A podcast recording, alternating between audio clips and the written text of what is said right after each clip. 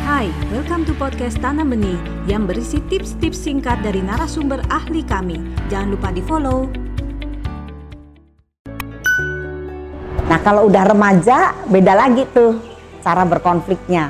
Mungkin mereka mulai membangun batasan-batasan. Anak remaja itu kalau sudah bicara keras suka kurang ajar.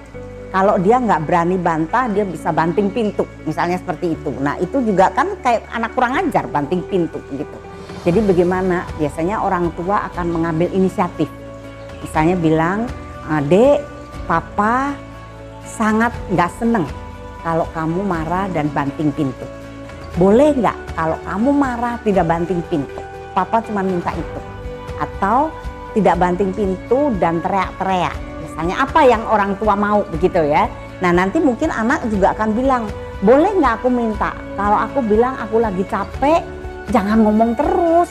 Jadi e, dua-dua mesti perlu memberikan batasan-batasan.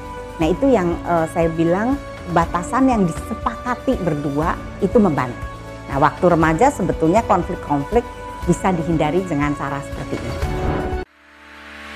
Anda baru saja mendengarkan tips dari Tanam Benih Foundation.